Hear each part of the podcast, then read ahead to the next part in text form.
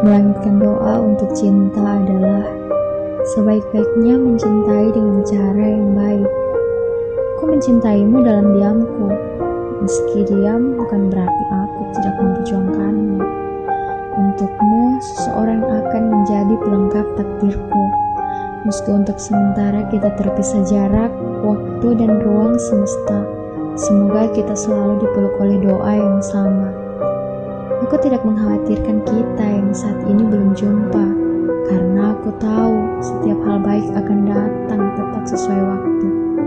Saat waktunya tiba, semoga aku tidak melewatkanmu, begitu pula dengan kamu kepada aku.